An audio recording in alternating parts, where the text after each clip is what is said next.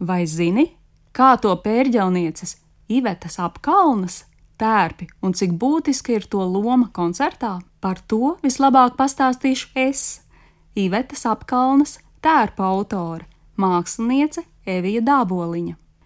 Savā profesionālajā darbībā bieži esmu veidojusi skatuves tērpus mūziķiem un zinu, ka tērpiem ir jābūt skaistiem un ērtiem.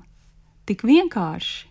Pirms daudziem gadiem, uzsākot darbu pie Ivetas apkalnas skatuves tērpiem, man bija skaidrs, ka ērģelnieka tērps atšķiras no citu mūziķu instrumentālistu tērpiem, ko biju veidojis līdz šim, ar to, ka tērpam ir jāapvieno gan sporta apģērba funkcijas, jo kāju un roku kustība amplitūda ir sportista cienīga, gan tas, ka ērģeļu galda pedāļus iespējams spēlēt tikai biksēs.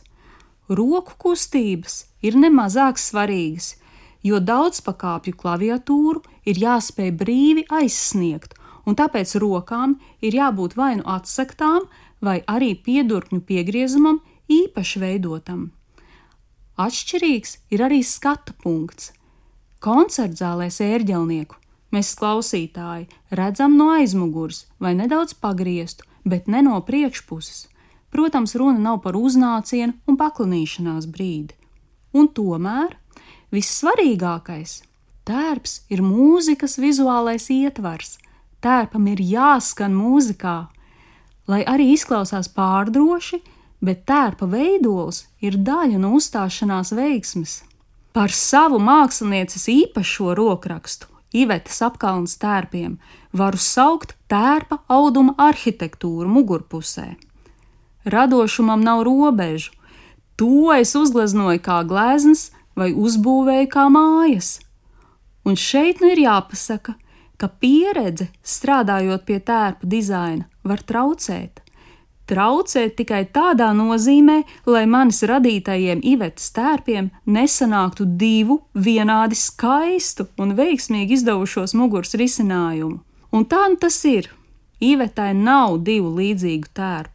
Es bieži esmu braukusi uz Ivetas koncertiem nevien Latvijā, bet arī citvietā Eiropā. Esmu klāt ģērbšanās procesā pirms koncerta.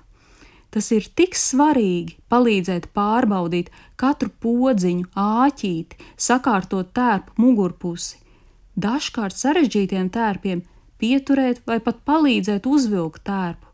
Tikpat nozīmīgi ir būt klāt grima un frizūras veidošanā, redzēt jau tā tapšanas procesā vīziju, kā tas izskatīsies uz skatuves. Iespējams, ka mans roku pieskāriens pirms iziešanas uz skatuves dod drošības sajūtu Ivetai apkalnē, ka šajā ziņā viss ir kārtībā un mākslinieks jūtas labi. Tā ir maģija, kura turpināsies mūzikā. Domājot par jaunu skatuves tērpu, Iveta vienmēr man piedāvā noklausīties mūziku, kas skanēs koncerta programmā. To dzirdot, atlido mūza. Tad seko audums, kas palīdz spērt nākamo soli, un reizēm audums gluži vai atdzīvojas manās rokās, izjūtu no tā strāvojama enerģiju, un tas mani pašu vienmēr pārsteidz.